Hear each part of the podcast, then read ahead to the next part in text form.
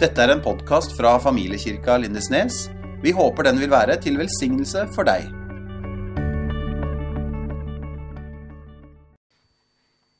Det ble annonsert en sånn arbeidstittel forrige søndag med 'Kjødets kamp'. Bare, den har vi gått vekk fra, altså, for det var liksom bare til sånn internt bruk. Men jeg kjenner litt på det. Ånden er villig, kjødet er skrøpelig. Det er hosting, og det er det ene og det andre. Men nå er vi i hvert fall her. Og det er bra. Og så vil jeg bare først takke spesielt disse tweensene som sitter her borte. Fordi at eh, de skulle være inne på møtet i dag, det gjør jo at jeg kan holde meg på mitt nivå. Jeg trenger liksom ikke gjøre meg voksnere enn jeg er. Så tusen takk for at dere er her inne. Så kan jeg liksom prate mitt eget språk uten å late som jeg er verken åndelig eller har mange fine ord. og litt sånn. Jeg tror egentlig det passer bra for alle. Fantastisk. Hvilken stemme hører du på? Og så handler det om den usynlige kampen. Og så tenkte jeg at vi kunne begynne å se litt på disse ordene usynlig og kamp. Usynlig det er jo noe vi ikke ser. Noe som er skjult for oss, som ikke er så lett å oppdage. Og Når jeg hører ordet kamp, så tenker jeg veldig fort på både sånn fotballkamper og håndballkamper. Når to lag møtes og kjemper om en seier. Og så kan òg kamp relateres til slåssing. Jeg, jeg følte dere så så på den, så tenkte jeg skjer det noe bak her. Er, er, det en kamp jeg ikke får med meg? Så bra. Og så kan det òg relateres til slåssing og krig. Men da er det en litt sånn annerledes seier enn det er i en sport. Men felles for alle disse sammenhengene det er jo at vi ser en synlig kamp. Men så vil det òg foregå en usynlig kamp. Litt taktikk, psykologisk spill. Ting som kan være vanskelig å øh, få øye på, som vi har øvd på, som ikke motstanderen skal se. Så en usynlig kamp, det vi ser eller det vi ikke ser, men som vi vet allikevel fins. Og Det skal vi snakke om i dag. Og banen eller den arenaen vi skal flytte oss inn på, det er selve livet. Det er hverdagen vår. Det er når vi er på jobb, når vi er på skole, når vi møter folk, egentlig overalt der som vi er. Sånn. Vi i familiekirka vi tror på en levende Gud. Men så vet vi at det onde fins. Så vi tror jo på en måte på djevelen òg.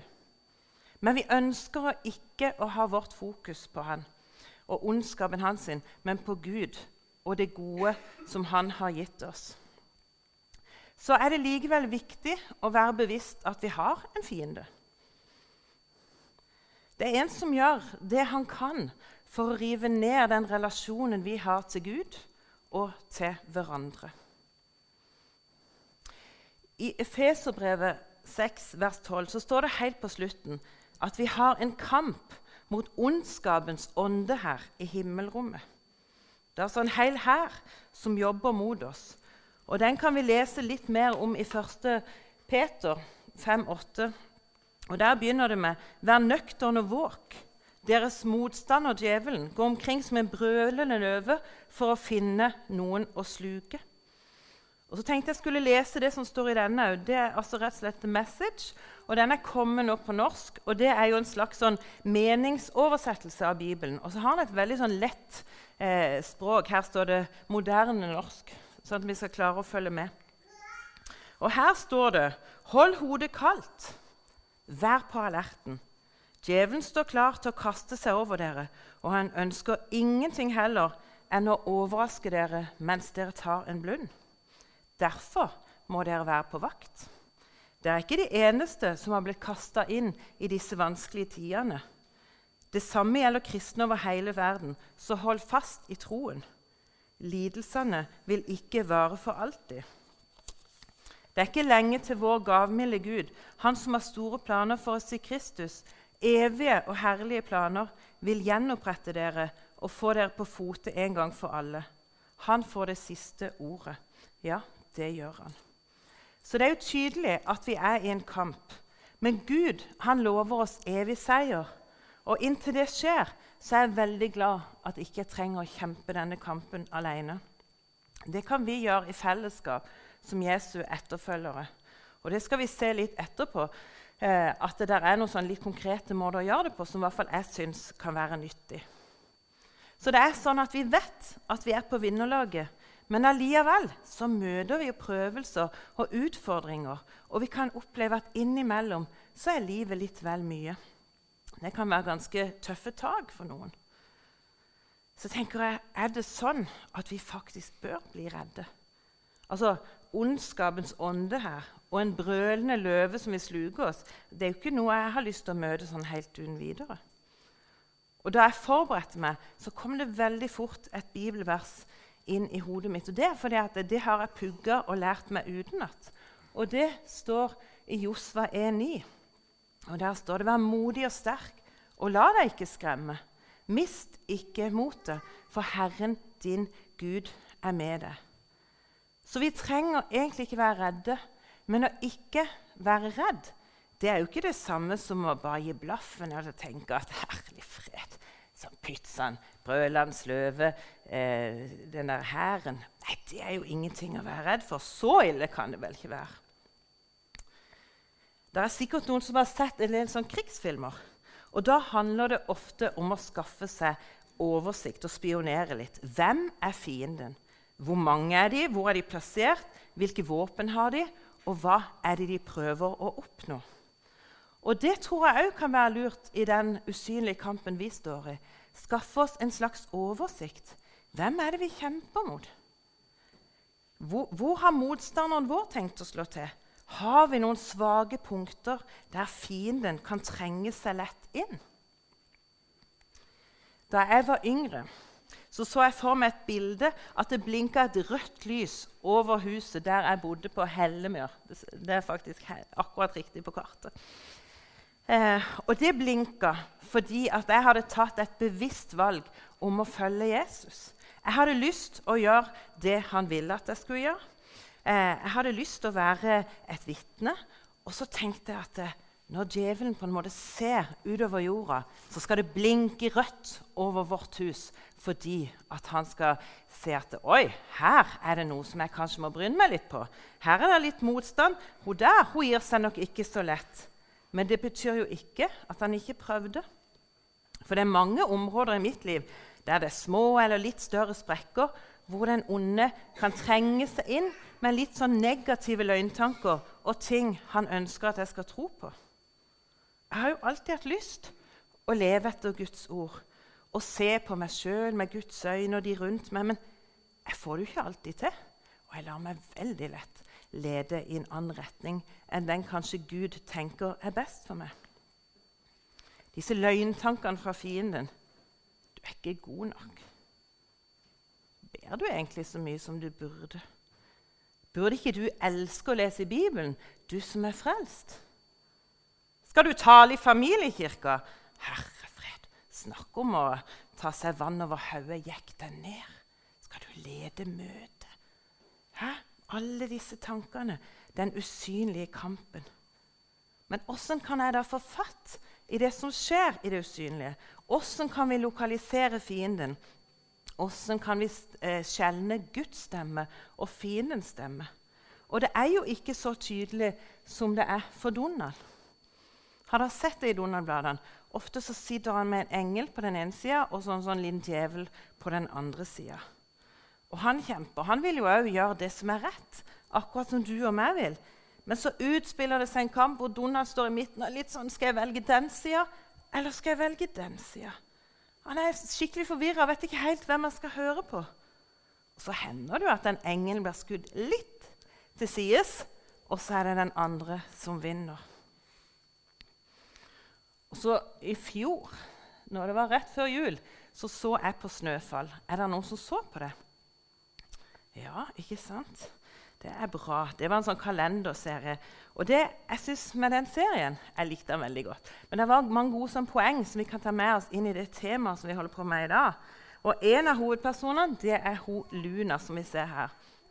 Hun var egentlig en veldig sånn forsiktig og litt sånn farveløs og grå jente som tar et ganske uklokt valg. Hun velger å alliere seg med mørket. Jeg vet ikke om dere kan se de der skyggene som kommer ut fra den trestammen. Det representerer det mørket som Luna lot seg trekke til. Og Grunnen er egentlig bare at hun får litt smak av suksess. Hun blir sett. Noen legger merke til henne. Og hun som har, blitt, har vært litt sånn usynlig, så går det kanskje litt i hodet på henne. Og det kan jo gjøre for noen og enhver innimellom. Men så lar hun seg rive med og ønsker mer av dette som skjer. Og Det resulterer at det mørke på en måte får litt innpass i henne. Og ikke nok med det, det påvirker faktisk hele eksistensen til den lille byen Snøfall. Og så er det først når hun tar et oppgjør med dette og velger lyset og det gode, at ting faller på plass. Og så sier julenissen noe om at mørket alltid vil være der, sier han, men det holdes under kontroll av det gode av lyset. Og Sånn er det jo for oss òg. Det hadde jo vært sabla greit hvis vi slapp motstand og prøvelser og ondskap og alle disse tingene der. Men det er ikke sånn. Vi må på en måte leve med det. Men med hjelp av Guds krefter og det håpet han gir, så vet vi at vi skal overvinne det. Og Luna hun valgte heldigvis lyset til slutt, men det var en kamp. Og Donald han strever. Hvem skal han høre på, den ene eller den andre skuldra? Og begge to, både Luna og Donald, de har et valg. Hva eller hvem de velger å følge og høre på, det legger føringer på hvordan livet blir, og det gir konsekvenser. Så da har jeg tenkt den usynlige kampen. Hvem vil du høre på? Hvem vil du følge? Og hvilke stemmer skal skape retning i ditt liv? Så tenkte jeg at vi kunne lese i Bibelen. For Jesus han ble utsatt for en prøve en gang og måtte velge side. Og han måtte velge hvilke stemmer han skulle høre på. Eh, og Da har jeg funnet fram denne igjen. Så tenkte vi skulle lese litt i den. Det står Matteus 4,1. Og rett før denne prøven så lot Jesus seg døpe han tok et bevisst valg. Han viste, han synliggjorde hvem han ville følge. Og så blir han skikkelig testa ut. Like etterpå, altså etterpå dåpen, så ble Jesus ført inn i ørkenen av ånden for å settes på prøve. Og djevelen var mer enn klar for å ta fatt på oppgaven. Jesus forberedte seg med å faste i 40 dager og netter. Og det gjorde han selvsagt skrubbsulten noe djevelen prøvde å utnytte i første forsøk. 'Siden du er Guds sønn', sa han, 'så kan du vel bare si til disse steinene at de skal bli til brød.' Og Jesus svarte med å sitere 5. Mosebok.: 'Mennesket trenger mer enn brød for å holde seg i live.' Stadig inntak av Guds ord, av ord for Guds munn, er påkrevd, altså er nødvendig. For å gjennomføre den andre prøven så tok djevelen med til den hellige byen. Så stilte han han opp på toppen av tempelet og sa, 'Siden du er Guds sønn, så er det vel bare å hoppe.' Og djevelen egga han ved å sitere Salme 91. Gud har befalt sine engler om å beskytte deg. De skal bære deg på hendene, så du ikke snubler eller skader foten mot noen stein. Og Jesus svarte igjen med et annet sitat fra 5. Mosebok. Du skal ikke sette Herren din Gud på prøve, sa han. Den tredje prøven fant sted på en høy fjelltopp, og djevelen tok han med dit. Han slo armene ut og viste han all verdens land og prakt. Så sa han, 'Alt dette kan bli ditt.' Rubbel og bit, alt uten unntak. Bare fall på kne og tilbe meg, så er alt sammen ditt. Og da svarte Jesus kort og bestemt, 'Stikk herfra, Satan, for det står skrevet:" 'Herren din Gud skal du tilbe, og ingen andre. Bare Han skal du tjene. Tjen Han helhjerta.' Og Med dette siste sitatet fra 5. Mosebok så var prøven over. Djevelen dro sin vei, og engler kom i stedet, og de ga Jesus alt han trengte. Den kampen som Jesus kommer i, den jo, virker jo mer synlig enn usynlig. For Jesus er veldig klar over hvem motstanderen er. Han fasta i 40 dager og 40 netter før dette, og det var en forberedelse. Jeg tenker jo litt sånn motsatt. Jeg hadde jo spist. Tenker Hvis jeg vet jeg skal inn i noe, for all del, la meg få i meg noe mat og energi. Jeg funker utrolig dårlig hvis ikke jeg får spist og sove. og sånne ting. Sant? Så det hadde vært min taktikk, tror jeg. Men Jesus gjør det på en litt annen måte. Og når djevelen sier at du kan jo gjøre om disse steinene til brød, så sier han mennesket lever ikke bare av brød, men av hvert ord som kommer fra Guds munn. For Jesus kjente sin motstander, og våpenet han velger å benytte, det er Guds ord. Og Jesus sier jo noe som ble skrevet på en måte før han kom til jorda. Så han må jo liksom ha satt seg inn i dette. Han vet hva Gud sier, og han bruker det bevisst. Og han visste at beste forberedelsene til akkurat denne kampen det var å ta til seg av Guds ord mer enn å spise seg mett på brød, sånn som jeg hadde tenkt. Og Så blir han oppfordra til å hoppe utfor den høye tempelmuren. Og Da siterer faktisk djevelen fra Guds ord. Så sier han eh, du skal ikke sette Herren din Gud på prøve, sier han. Hvorfor hopper han ikke bare? Hvis Gud kunne beskytte. Ikke sett Gud på prøve, sier Jesus. Jeg tenker at eh, det handler litt om å trekke inn fornuften i tillegg til Guds ord. Det viktige her er jo hvem som sier hva vi skal gjøre. Og Vi var inne på det i stad i forhold til Donald bl.a. Hvem hører du på? Hvis Gud sier 'kast deg ut i dette, prøv dette', så vil jo i hvert fall jeg gjerne gjøre det. Jeg vil jo gjerne gå på Guds ord. Men hvis det er noen andre krefter som sier det, så vil jeg jo helst la være. Jeg syns det er litt komplisert, det som vi leser i Bibelen her, at djevelen òg kjenner til Guds ord. Sant? Han vet hva som står skrevet. Og I stad nevnte vi at de ulike partene i en krig på en måte kan, de, kan spionere på hverandre for å finne ut hvordan de best kan slå til. Djevelen holder også på med sånt. Han prøver å finne våre svake punkter. og Når på døgnet er vi svakest, og når er det lettest å slå til? Han er veldig klar over når vi lettest lar oss lure. Og han er ute etter å få oss bort fra både Jesus og det fellesskapet vi har med hverandre. Han prøver å forvirre oss, klusse det til i tankene våre, sånn at vi snubler og går oss vill. Den tredje prøven det var et løfte om rikdom og velstand. Og hvem har egentlig ikke lyst på det? Jeg tenker, Hvis noen kommer og tilbyr meg masse penger, f.eks. Oh, det må jo være fantastisk. sant? Tenk en lottogevinst med en hel haug av millioner. Hadde ikke det vært fint? Ha? Problemet mitt er jo at jeg veldig sjelden tipper, så det er jo sånn mikrosjanse for at jeg noen gang vinner. Og når Jesus ble tilbudt alt han kunne se, all verdens prakt og rikdom og lottomillioner, sant? så var det noe som var skrevet med liten skrift.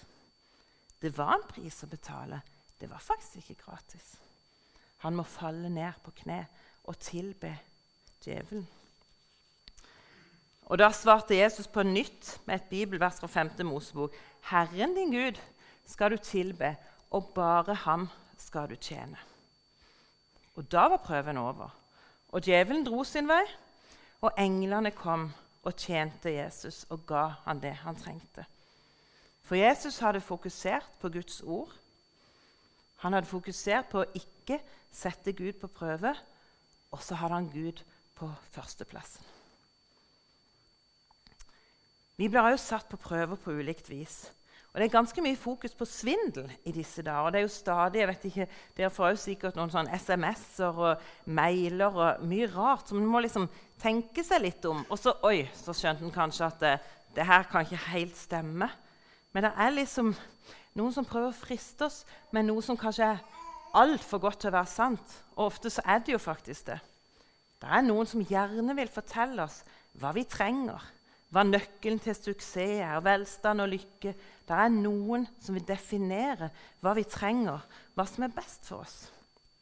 Og så er det andre som gjerne vil ta fra oss det vi har. Der sitter jo folk rundt i hele verden med ett eneste mål. Det er å skaffe seg rikdom pga. vår uoppmerksomhet og våre feil. Et lite tastetrykk. De gir seg ut for å være Posten eller banken eller sånne som vi egentlig stoler på. Og da er vi jo igjen inne på dette.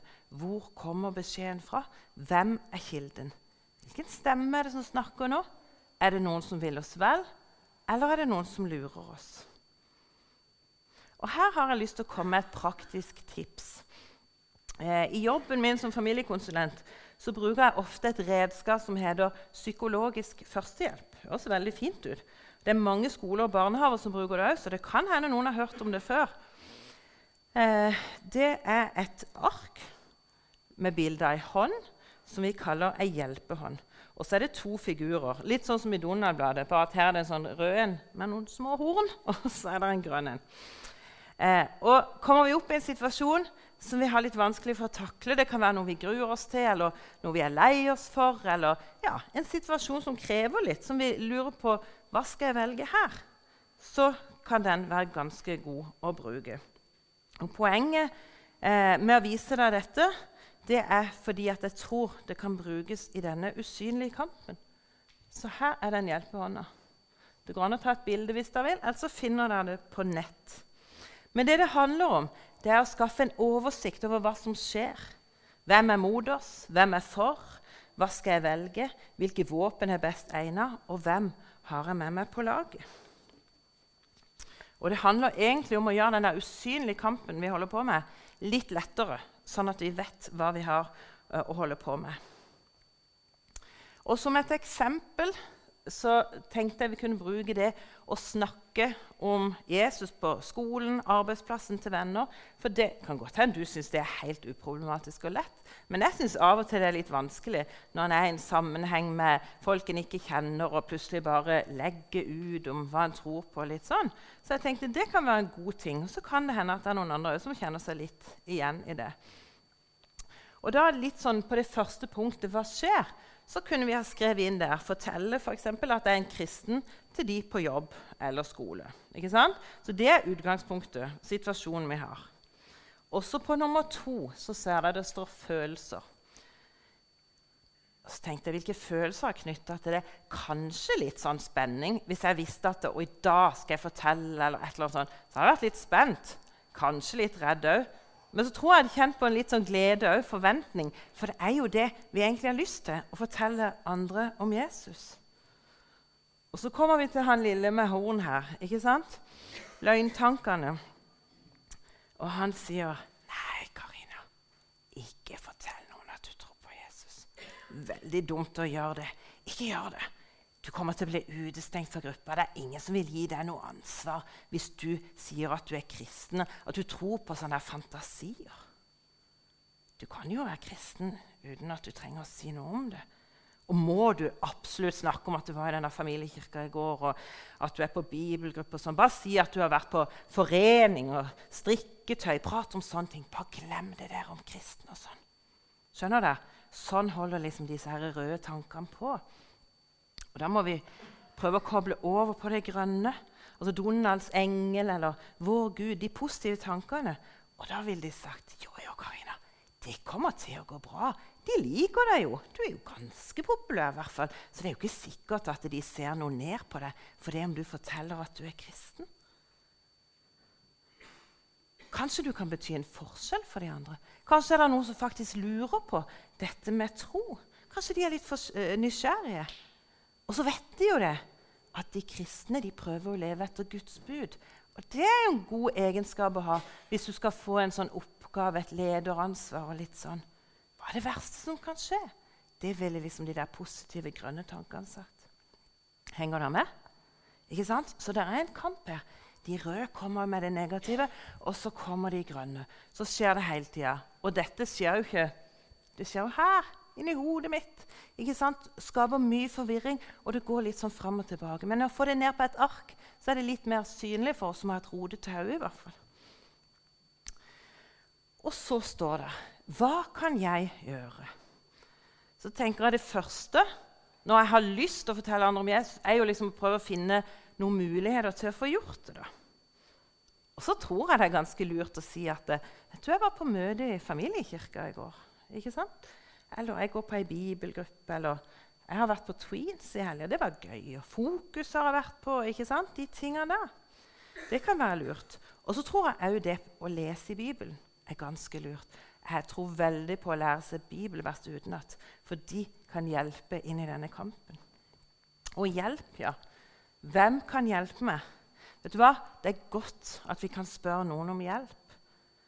Og kanskje hvis du hadde lurt på akkurat det som jeg liksom stussa litt på nå, så kunne du spurt familien eller noen som har levd litt lenger og har litt erfaring med det å vitne og fortelle andre om Jesus.